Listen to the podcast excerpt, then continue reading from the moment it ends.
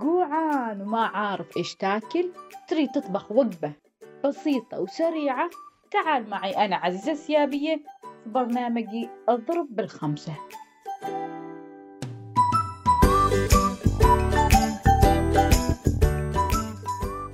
لقمة القاضي أو لقيمات تاكلها بحليب مركز ولا شيرة؟ تحبها بجبن ولا من دون جبن؟ تاكلها بشعيرية أو من دون شعيرية. حلقتنا لليوم مميزة وخطيرة. حلقتنا لليوم تتحدث عن ألذ وأجمل لقمة القاضي بتذوقوها في حياتكم. أنا جاية هني اليوم بضبطكم بأحلى لقمة القاضي بتعجبكم إن شاء الله وتخبروني بعدين إن شاء الله بعد بعد ما تقربوها تخبروني عن رأيكم.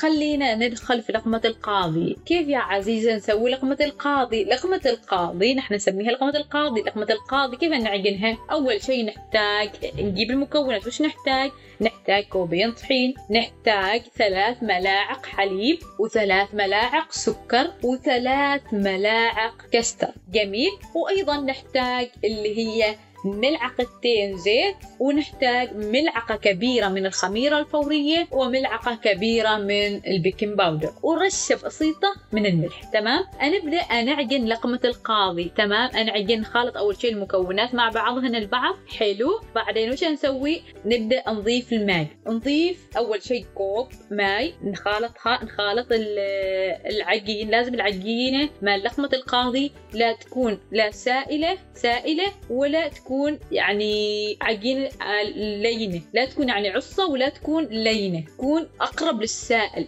تمام؟ أقرب تكون مائية شوية. حلو؟ فنبدأ نعجن نعجن نعجن. شفنا اللي بعدها ما ما فيها ماي ما كافيها. نبدأ نزيد الماء تمام؟ نزيد الماء نزيد الماء في العجينة لحد ما نحصلها لينة وخفيفة وأقرب للماء لكن ما تكون ماي ماي ماي. ما تكون العجينة واجد سائلة. لا تكون لا هي سائلة سائلة ولا هي تكون عصة. تكون لينة بشكل بسيط تمام؟ ولطيف كذا بعدين نخليها لمدة نص ساعة.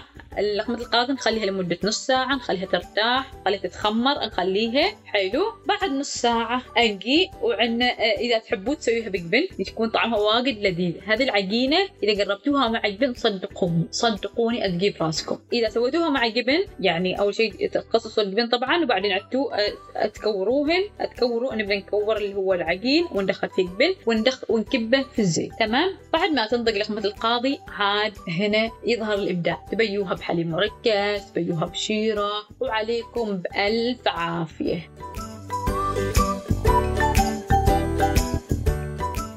وخبروني كيف يعني بعد ما تقربوها خبروني كيف تجربتكم مع لقمة القاضي. وأتمنى إنكم تكونوا استمتعتوا واستفدتوا معاي ونتلاقى إن شاء الله في حلقة جميلة وأجمل إن شاء الله تحياتي.